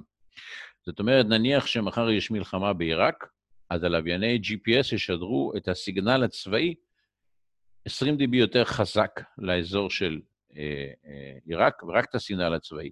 לעומת הסיגנל האזרחי, הג'מרים יכסו אותו. Oh. כך שבין שני ההפרשים האלה, הכוחות האמריקאים יוכלו להמשיך להשתמש ב-GPS, והכוחות שהם נגדם לא יוכלו להשתמש ב-GPS. ואולי זה מוביל אותי לדבר האחרון בשיחה שרציתי לדבר איתך, וזה תכלס מה שאתם עושים, או הסימולטור, או האמולטור, ואולי אני אתחיל מבעיה שהיא פשוטה. בסופו של דבר, כל אחד יודע שהוא נכנס למנהרה, ה-GPS לא קולט, יש uh, במנהרות ב- ב- בירושלים, זה ממש מרגיז, כי לפעמים אתה צריך לצאת באחת מהיציאות ואתה לא יודע מה, ואתה תקוע ואתה לא יודע האם אתה צריך או לא. Mm-hmm. לעומת זאת, לאחרונה ראינו שאתה נכנס למנהרה ואתה מקבל GPS. אני, עכשיו, השאלה היא כזו, אה, אה, האם ניתן לקלוט GPS במקום שלא רואים את השמיים כמו במנהרה. ועושה רושם שהחברה שלך, או, או המוצרים שאתה מפתח, זה בדיוק מה שהם עושים, או בין היתר. אז okay. כן. מה בעצם אתה עושה? איך אתה מאפשר לי לקלוט GPS בתוך מנהרה? אוקיי, okay, אז קודם כל, אה, בוא נשים את הבעיה. במנהרה זה בעיה אחת, כי אתה ממש חווה, אתה, אתה התרגלת להשתמש ב-GPS והוא פתאום חסר לך. אבל למעשה 80 אחוז או 90 אחוז מהזמן של הבן אדם, הוא נמצא באזורים מקורים. ובאזור מקורה, אתה לא יכול לקלוט את הסיגנל של ה-GPS, כי הוא לא עובר דרך הקירות של הבניינים ודרך התקרה. ואז אין לך GPS. אז זה די מחזיר אותנו לעולם שלפני שכולנו השתמשנו ב-GPS, ושאנשי הארמי אמרו שאולי לא צריך כי אני מסתדר. אז גם היום כשאתה הולך במו"ל, אתה אומר, תשמע, אני לא צריך GPS, אני מסתדר, עובדה, אני קונה. אבל תחשוב למשל על אה, שדה תעופה שאתה נוחת בו, ואתה לא מדבר את השפה המקומית, והם גם קצת צרפתים, אז הם לא רוצים לענות לך באנגלית, ו... ויש לך קונקשן, ואתה לא יודע בעצם כמה מרחק אתה צריך לעבור, ומה אתה הולך לעבור למטוס. האם אתה צריך לרוץ? אולי יש לך זמן להיכנס לדיוטי פרי? אה, מה קורה? איך ללכת? ימינה, שמאלה? אז אם היינו יכולים לספק GPS בתוך השדה תעופה, יכולתי פשוט לקבל הוראות, לך ימינה, לך שמאלה, תעלה במדרגות, תרד במדרגות, הופ, הגעת. היעד נמצא מימינך, היעד נמצא משמאלך. אה, אז זה מו"לים, בתי חולים, הרבה פעמים אתה מגיע לבית חולים, אתה לא, לא מוצא ימינך ושמאלך. אתה רוצה למצוא בן אדם, ואתה לא יודע איפה המחלקה ואיפה, ואיפה המקום. אם פעם רופא, דבר... רק שנייה, אם פעם רופא לקח אתכם בבלינסון לכל מיני צילומים, אתם עוברים דרך מנהרות, ואלוהים יעזור. זה, זה באמת נכון, אבל אני, אני סליחה שאני אומר, המנחה שלי בדוקטורט, אה, בועז בן משה, אמר שבסופו של דבר, מה שנקרא ה-indoor navigation system, הרעיון של ניווט בתוך מבנים, הוא משהו שמקבל הרבה מאוד תקציב מאנשים שרוצים בקניון, שאתה עובר עם הפלאפון ליד מקדונלדס, לשלוח לך פרסומת. פרסומת, זאת אומר, נכון. זאת אומרת, אולי משהו שהוא... אולי באמת אנחנו פחות צריכים מצד אחד, או אולי אני המטומטם מהארמי שלא מבין בכלל שהוא צריך את זה, כי בדיוק אנחנו כמו בתקופה לפני GPS. אתה חושב שצריך ניווט בתוך מבנים באמת? בקניון צריך ניווט? אני חושב שאם בעוד אה, עשר שנים יעשו, מה יקרה אם לא יהיה GPS, ואז כל המערכות של הניווט שלנו בתוך מבנים לא יעבדו, אז יראו שזה לא יהיה ביליון דולר ליום, זה יהיה הרבה יותר, ואז באמת, כל מי שאומר, הוא כנראה כמו אותו בחור מהארמי שאומר, לא צריך GPS. מה שאנחנו עשינו, אנחנו פיתחנו מערכת שהיא פטנט, ואנחנו משתמשים במשהו שנקרא סימולטור של GPS. סימולטור של GPS יודע לצ... לשדר אותות כאילו הוא GPS, אבל לא לוויין אחד, כל הלוויינים שיש בשמיים, אוקיי? ואנחנו אה, מסנכרנים את זה על ידי זה שמשתמשים במקלט GPS שנמצא מחוץ לבניין, למערכת בחוץ. זאת אומרת, אנחנו משדרים בדיוק את אותם סיגנלים שיש בחוץ, באותה צורה, באותה התנהגות ובאותו זמן. אוקיי? אמרנו שזמן זה מאוד חשוב. ואז אתה אה, נכנס לקניון ואתה קולט את הסיגנל. הסיגנל אומר לך, אתה נמצא בנקודה מסוימת, אז אתה נמצא שם. אתה מתחיל לזוז, ואחרי 30 מטר יש עוד נקודה שמשדר לך נקודה אחרת. המכשיר GPS, ככל שהוא יתחיל לזוז, הוא קולט מידע סותר. יש לו מידע שבא מאנטנה אחת, מידע שבא מאנטנה השנייה. מה שהוא עושה, הוא נותן יותר משקל לסיגנל היותר חזק. אז בהתחלה הוא יותר קרוב לאנטנה אחת, אחר כך יותר קרוב לאנטנה השנייה. בסופו של דבר אנחנו מקבלים דיוק בתוך המבנה של באזור השני מטר. כמה אבל אומרת... אה, לוויינים, כאילו, אתה, זאת מערכת אחת, או שאתה שם מערכת כל 30 מטר? כל, לא, אני שם מערכת אחת מסונכרנת, שיש לה הרבה מאוד יציאות. כאילו, זה הרבה סימולטורים שנמצאים אחד ליד השני, הם מסונכרנים אחד לשני, ואז כל 30 מטר משדר סיגנל אחר. אוקיי, okay, אבל עושה רושם שמה שאתה אומר, אתה עכשיו ב- ב- בעצם מדבר בצד הנחמד של הסיפור הזה, אבל כשאני הייתי אצלכם בחברה, אתם עדיין בראשון? כן. אז, אז, אז, אז, אז יש גם צד אחר של הסיפור, שאתה, אני יכול, אתה יכול לפתוח את המערכת הזאת, ובעצם לשים אותי, במקום בראשון, לשים אותי בלאס וגאס, נוסע במהירות של 80 קילומטר על כביש בנבדה. זה גם משהו שאתה יכול לעשות. אני בהחלט יכול לעשות את זה. אני, עם כל סימולטור, אני לא צריך שזה מערכת של ניווט בתוך מבנים, עם כל סימולטור אני יכול לשים אותך בכל מקום. סימולטור זה משהו שבא באופן עקרוני לבדוק GPS. אתה רוצה לראות איך GPS יתנהג על טיל, ואתה לא רוצה לשגר טיל כל פעם שאתה רוצה לבדוק את זה, אז אתה בודק אותו במעבדה, אתה תחבר אותו ל-GPS, ואומר לו, אוקיי, עכשיו אתה על טיל, בוא נראה איך אתה מתנהג. אבל נניח, אלי, שאני קרימינל, מקודם דיברנו שיש שתי דרכים לטפל ב-GPS. אחת זה ג'אמינג, שזה בעצם לצעוק מאוד חזק. מכיוון שהתדר של ה-GPS, mm-hmm. העוצמה של ה-GPS היא מאוד חלשה, אם אני אצעק בתדר של ה-GPS, אני לא אוכל לשמוע, אני פשוט ממסך את זה בזה שאני צועק. אבל יכול להיות שיש עוד דרך אה, מנוולת אף יותר לטפל ב-GPS, שהיא מתבססת על מה שאתם עושים, מה שנקרא בספרות spoofing, ואם כן, אתה יכול להגיד לי איך זה קשור, לפי האגדה האורבנית, להפלה של המל"ט האמריקאי בעיראק? באיראן, סליחה, באיראן.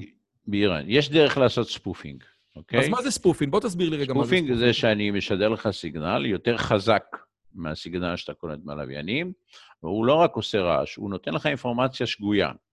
ואז אתה חושב שאתה נמצא במקום אחר. כמו שאני אומר לך במעבדה, אתה נמצא על טיל, בוא נבדוק אותך. אני יכול להגיד לך גם כשאתה בשמיים, אתה... נניח שיורים עליך טיל מאיראן, אז אני יכול להגיד לך, תקשיב, הקריה היא לא נמצאת במקום שהיא נמצאת, היא נמצאת 20 אה, קילומטר, 30 קילומטר בתוך הים, ותיפול לתוך הים, לא יותר מזה. אז זה נקרא spoofing. אה, לגבי המל"ט האמריקאי, שם יש כמה דעות. קודם כל, הוא אה, היה עם מערכת צבאית, שבאופן עקרוני לא ניתן לעשות לה spoofing. רגע, אבל שנייה, רגע, אלי, אלי, סליחה, סליחה, כן. סליחה, לא כולנו מכירים את הסיפור, אז בואו קודם כל נספר את הסיפור כמות okay. שהוא, ואז נגיע לזה. אז אתה, אז, אז אתה יודע מה, אני אספר ואז אתה תתקן אותי כמו תמיד. המל"ט האמריקאי היה מל"ט אמריקאי גדול מאוד, שהאיראנים לא הפילו אותו עם טיל, אלא בעצם לפי ה... אני מספר את האגדה, בסדר? אחרי זה תעשה מה שאתה כן. רוצה. האיראנים הנחיתו אותו, אוקיי? עכשיו, אם אתה לוקח מל"ט, כן, או מטוס ללא טייס ומפוצץ אותו, זה משהו אחד. אבל אם אתה מנחית אותו, ואז אתה מקבל אותו שלם, ואז אתה יכול לבדוק את כל הטכנולוגיות ואת כל המערכות עליו, זה דבר אחר לגמרי. האגדה מספרת, ואתה עוד מעט תבוא ותתקן אותי, זה שמה שקרה זה שהמל"ט אה, טס בשמיים, מעליו שמו מטוס שבעצם שידר לו GPS שקרי, ובעצם הנחית אותו דרך ה-GPS השקרי, כאילו כל הזמן הוריד אותו והוריד אותו, הוריד אותו, הנחית אותו דרך ה-GPS השקרי, הדבר הזה נקרא spoofing. עכשיו, זה נשמע קצת כמו אגדה, וזה חלק, אתה יודע, יש את המחקרים, את המאמרים, אתה קראת אותם, אני קראתי אותם. אחרי שאנחנו מכירים את זה, בוא תגיד לי מה, מה אתה חושב על הסיפור, והאם בכלל ניתן לעשות משהו כזה? אז קודם כל, לכל המכשירים שאנחנו משתמשים, בהחלט ניתן לעשות. למכשיר שהיה על המטוס זה מכשיר של GPS צבאי, הסיגנל שמגיע מה, מהלוויין הוא מוצפן, יש לו מפתח, וככל הנראה לאיראנים לא היה מפתח והם לא יכלו לעשות את מה שאתה אומר. יש תיאוריות שאמרו שהם עשו כל מיני דברים אחרים שגרמו לו לרדת. אבל צריך לזכור שהמזל"טים האלה הם טסים עם מפעיל שיושב בארצות הברית, למרות שהוא טס באיראן, והוא מופעל דרך עורק אה, לווייני שנותן לו פקודות. ויש שתי תיאוריות. תיאוריה אחת אומרת שבאופן עקרוני הם השתלטו על הערוץ של הטייס שמנהל אותו, ואז הם הנחיתו אותו. ותיאוריה אחרת אומרת שפשוט הוא ניתק קשר עם הלוויין ש... ששולח לו את הסיגנלים, והוא החליט שהוא אה, נוחת. והתיאוריה הזאת אומרת שזה פשוט, בזמן תרגול, זה מה שהוא עושה, ולא הוציא אותו ממצב תרגול. עכשיו, תרגול, המזל"ט, אם הוא מאבד קשר עם המפעיל והוא לא יודע מה לעשות, אז הוא פשוט נוחת. אם הוא במצב אה, פעולה אה, מבצעית, והוא מאבד קשר והוא לא יודע מה לעשות, או שהוא חוזר לבסיס האם, או שהוא מפוצץ את עצמו. אבל הוא כנראה היה על מצב תרגול, וזה מה שגרם לו אה, לנחות. אבל זה תיאוריות אה, שונות ומשונות, אין תשובה ברורה מה שקרה שם. בסופו של דבר הוא נחת שלם. או, אז אה, טוב, תקשיב, קודם כל אני רוצה להגיד, אה, זה כזה תמיד כיף ומרתק לדבר איתך. אה, אני רוצה, קודם כל, תודה רבה על הזמן שלך. יש שתי שאלות אחרונות, ואני אשאל אותך שאלה אחת, בגלל שבאמת מבחינתי, אתה נאמבר 1 בארץ בכל הנושא של GPS, כאילו, לא רק בצד התיאורטי, המשוואתי של משוואות קלמן ודברים כאלה, אלא גם ממש בללכלך את הידיים של איך הדברים האלה עובדים ואיך גורמים להם לעבוד בפועל, ואלוהים יעזור כמה שזה שונה בין, בין התיאוריה ובין המציאות. אתה יכול לתת לי את החזון, את מה, מה לפי דעתך יקרה בשנים הקרובות עם GPS? עושה רושם שבחמש שנים האחרונות, העולם של ה-GPS, לפחות מבחינת הצרכנים הסופיים, אנשים כמוני, לא השתנה יותר מדי, אולי טיפה RTK, אבל מה הפרדיקציה שלך? זאת אומרת, יותר ויותר פלאפונים יהיו להם מקלטי פאזה ונהיה עוד יותר ועוד יותר מדויקים, או איך אתה רואה את זה? לא, קודם כל, אה, אה, פלאפונים לא יהיה להם מקלט. יש להם, הם יודעים לקלוט פאזה, אבל זה לא עובד אצלם כי האנטנה היא מאוד קטנה. אבל יש היום כבר אה, מודים של עבודה, שאם אתה קשור לאינטרנט באיזושהי צורה, אתה יכול לעבוד עם מכשיר אחד, כמו ב-RTK, לא לעבוד עם שתיים, ולהגיע לדיוקים של עשרה סנטימטר. וזה כבר דבר שיכול לאפשר לך לעשות הרבה מאוד דברים שלא יכולת לעשות קודם. אני רק אגיד לא לכל... לכל הצופים שלנו, RTK זה real time kinematics, שזה בגדול, הרעיון הוא לקחת שני מקלטים בו זמנית, כאשר המרחק ביניהם ידוע, להסתכל על ההפרשים בין שני המקלטים, ומכיוון שהמרחק ביניהם ידוע, לעשות תיקונים שהופכים את המיקום שלך להרבה יותר מדויק. אתה מקבל את ההסבר שלי? כמעט, המרחק ביניהם לא ידוע, כי אתה, יש אחד שהוא קינמטיק, זאת אומרת, אתה לא יודע את המרחק. אתה יודע בערך את המרחק, וזה מוגבל, מה שאתה עושה, לבערך 20 עד 40 קילומטר, תלוי במכשיר שאתה משתמש. זאת אומרת, אתה צריך תחנת ייחוס, ולעבוד מולה, ולדבר איתה כל הזמן בתקשורת. אז מה, מה אתה עוד חושב שיקרה? ועוד פעם, הפריצת דרך לניווט בתוך מבנים, היא הולכת לשנות את הצורה שאנחנו מתנהגים גם בתוך מבנה. זה א', אומר שיכול להיות שיהיו רובוטים כבר בתוך המבנים, שיש הרבה מאוד שירותים, הם יוכלו להתנהל בתוך המבנה בדיוק מספיק גבוה, הם יוכלו לטפל. זה ישנה את, ה... את הצורה שאנחנו מתחזקים בניין. נניח שיש מנהל תחזוקה של בניין והוא רואה איזושהי בעיה, היום הוא צריך לצלצל, להסביר איפה הוא ראה את הבעיה, וככה הוא בא בוואטסאפ, שם נ"צ, ובן אדם יודע לבוא ולהגיע, או לתקן מדפסת, או לתקן אה, כל דבר אחר שיש בבניין מאות, אז אתה יודע בדיוק איפה לטפל. אה, ומערכות אה, מדויקות. זאת אומרת, אנחנו נראה הרבה מאוד רובוטים. עכשיו, רכב אוטונומי, אנחנו כבר מטפלים, רק ברכב אוטונומי ה- יש פאניקה מהנושא של spoofing. אוקיי? ו jamming. אז יש מערכות תומכות. אבל האירופאים היום, הם רוצים לייצר מערכת שהיא תהיה עם מפתח. מפתח אסימטרי, ושתוכל לזהות שהסיגנל מגיע מהלוויין ולא ממישהו אחר. זה נמצא כרגע בפיתוח, ועוד לא יודעים כמה טוב זה יהיה, אבל אז יכול להיות שבסופו של דבר אתה תוכל להגיד, אני סומך מספיק בשביל לתת לרכב אוטונומי אה, לעבוד עם, אה, עם אה, גלילאו או עם GPS. אתה בעצם אומר שהפחד הכי גדול, כמו בכל המקומות של מה שנקרא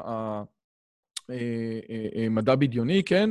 שאם רכב הוא נשלט על ידי, בין היתר, או מנווט, רכב אוטונומי מנווט על ידי GPS, וזה העיניים שלו, אז אם יש spoofing, אנחנו יכולים להגיע לתאונות דרכים מטורפות, כי הרכב חושב שהוא נוסע ישר, והוא בעצם נוסע שמאלה או ימינה. ואחד הדברים שאנחנו רוצים לעשות היום, הרכ... עולם הרכבים האוטונומיים לא סומך על ה-GPS, הוא משתמש בו רק בתור איזשהו כלי לאיכון ראשוני, הוא מסתמך על, אה, על לייזר, על מצלמות, על לידר, על רדאר, אבל אתה אומר ש... א', ה-GPS יהיה מספיק מדויק כדי לדעת איפה אתה ברמת הנתיב, האם אתה בנתיב הימני, האמצעי או השמאלי. והדבר השני, אנחנו נוכל להתגבר על בעיות הספופינג בזה שיהיה לנו איזושהי חתימה דיגיטלית שהגיעה מהלוויין, ואז אני יודע, הדבר הזה הגיע מהלוויין ולא הגיע מאיזשהו אויב, נכון? כן. וכמו שאמרתי, והרחבה של תחום ה-GPS, מה-outdoor ל-indoor, זה יביא אותנו לנווט גם במקומות שם אנחנו לא מנווטים. או, מעולה. ועוד פעם, אם אתם חושבים שהדבר הזה מיותר, אז או שאתם ממש ממש ממש אה, חכמים, או שאתם בדיוק כמו אותו בן אדם מהארמי שאמר, בשביל מה שריון צריך GPS. אז הרבה פעמים הטכנולוגיה לא באמת, אה, אה, אנחנו לא מבינים את המשמעות של הטכנולוגיה עד שהיא מגיעה, וזו הזדמנות טובה לצטט את הרצל, שאמר שהוא התחיל את כל הנושא הזה של אה, להביא יהודים לארץ ישראל, אמרו לו, כמה יהודים יש שאתה כבר אה, רוצה לעשות להם מדינה? כמה יהודים יש שרוצים לעלות לארץ ישראל? אז הוא אמר משפט מאוד יפה, שבאירופה התחילו את הרכבות, אז אנשים אמרו, כמה, כמה נוסעים בסוסים יש שצריך בשבילם רכבות? אבל הם לא הבינו שזה לא שהנוסעים מביאים את הרכבות, אלא הרכבות מביאות את הנוסעים. תן טכנולוגיה שהיא תהיה מספיק טובה, כמו שראינו בשני למאי שנת 2000, תפתח את הטכנולוגיה שהיא תהיה מספיק טובה ותייצר צורך שאחרי כמה שנים אנשים יגידו, איך בכלל ניתן לחיות בלי הטכנולוגיה הזאת? נכון? בהחלט. אלי, שתי שאלות אחרונות שאני שואל כל מרואיין שלי. אחד, אתה יכול לתת לי ספר שקראת בחמש שנים האחרונות שהפך לך את הראש, או ספר שהיית אה, שמח להמליץ למאזינים שלנו? וואו, עכשיו ספרים? אחד, אחד. זה לא הספר שלי, כן? אגב, אה, יש את הספרים שלי, מי שרוצה לקנות, כן, אה, ראש גדול, מהפכת ההשכלה ואינטליגנציה. אבל איזה ספר קראת בחמש שנים האחרונות? אל תיתן לי ספר של, את, את הספר של קפלן על ה-GPS, אלא... לא. לאחרונה קראתי אה, קיצור תולדות האנושות, שהוא קצת מסתכל על העולם אחרת, בייחוד בשבילי בתור בן אדם דתי, וראיתי שעדיין העולם הוא, גם כשמסתכלים עליו אחרת, הוא נשאר אותו עולם. או, יפה. זה דרך מאוד מעניינת. אז אוקיי, אז נו, אז אין לנו כמו יובל נוח הררי. והשאלה השנייה, אני ראיתי אותך עובד, אתה נמצא בכל מיני מאגדים. בין היתר, אחד הדברים שהערוץ הזה מתעסק בו, זה הנושא של להיות פרודוקטיביים. אז יש לך טיפ, גם לעובדים שלך וגם לך, של להיות יותר פרודקטיבי, להספיק לעשות יותר, שהיית mm. מוכן לשתף? כן, הייתי אומר, אה, אה, נעשה את זה קצת בצורה דתית. אה, כתוב בספר בראשית שהקדוש ברוך הוא ברא את העולם, אז כתוב, וירא ביום הראשון כי טוב, ביום השני הוא לא ראה כי טוב, ביום השלישי הוא ראה פעמיים כי טוב, וביום השישי כתוב, וירא אלוקים כי טוב מאוד. זה שם מפרש הרמב"ן, אומר, טוב מאוד זה יצר הרע. אז אם אתה רוצה להספיק, תעשה דברים טובים, אל תעשה טוב מאוד. טוב מאוד זה יצר הרע, כי אתה רוצה לעשות משהו יותר טוב ויותר טוב ויותר טוב, ואתה בסוף לא עושה כלום, אתה תקוע בדבר אחד. תעשה דברים טובים ותרוץ מהר. מה שנקרא, האויב של הטוב הוא הטוב מאוד. אני כל כך הרבה, אני כל כך מסכים איתך, וליבי-ליבי על כל האנשים שהם פרפקציוניסטים. אה, אלי אריאל, מנכ"ל חברת Galileo Satellite Navigation בע"מ, והבן אדם שיותר מכל עזר לי להבין שאני לא רוצה לעבוד בתור מהנדס בשום מקום בעולם. תודה רבה רבה רבה על הזמן שהקדשת לי היום. אוקיי, תודה רבה. גם לך. ביי ביי. היה כיף. אם הגעתם עד לכאן, מגיע לכם כל הכבוד. אז תנו לי להגיד לכם שלושה דברים קצרים. הדבר הראשון, אם שמעתם משהו בשיחה שמעניין אתכם, שאתם רוצים לקחת הלאה, פשוט ספרו אותו לאנשים אחרים. משהו מעניין שאני אמרתי, משהו מעניין שהאורח שלי אמר, איזשהו רעיון שאתם רוצים לקחת איתכם לחיים, פשוט ספרו אותו לחבר או לחברה. זאת הדרך הטובה ביותר לזכור את הרעיונות מתוך השיחות האלה. הדבר השני, אם אתם רוצים לקחת חלק בקהילה שלנו ולפגוש ולדבר עם אנשים כמוכם, אתם מוזמנים לערוץ הטלגרם שלנו, שווה לכם מאוד. פשוט תראו עוד אנשים שמתעניינים מדברים מגניבים בדיוק כמוכם. והדבר האחרון, אם אתם יכולים, דרגו את הערוץ שלנו באפליקציית הפודקאסטים שלכם, זה יכול להיות בספוטיפיי, באפל פודקאסט או בגוגל פודקאסט, זה תהליך קצר של שתי שניות, הוא מאוד מאוד יעזור לנו להפיץ את הבשורה הלאה. שיהיה לכם כיף גדול וכיף בשיחה הבאה.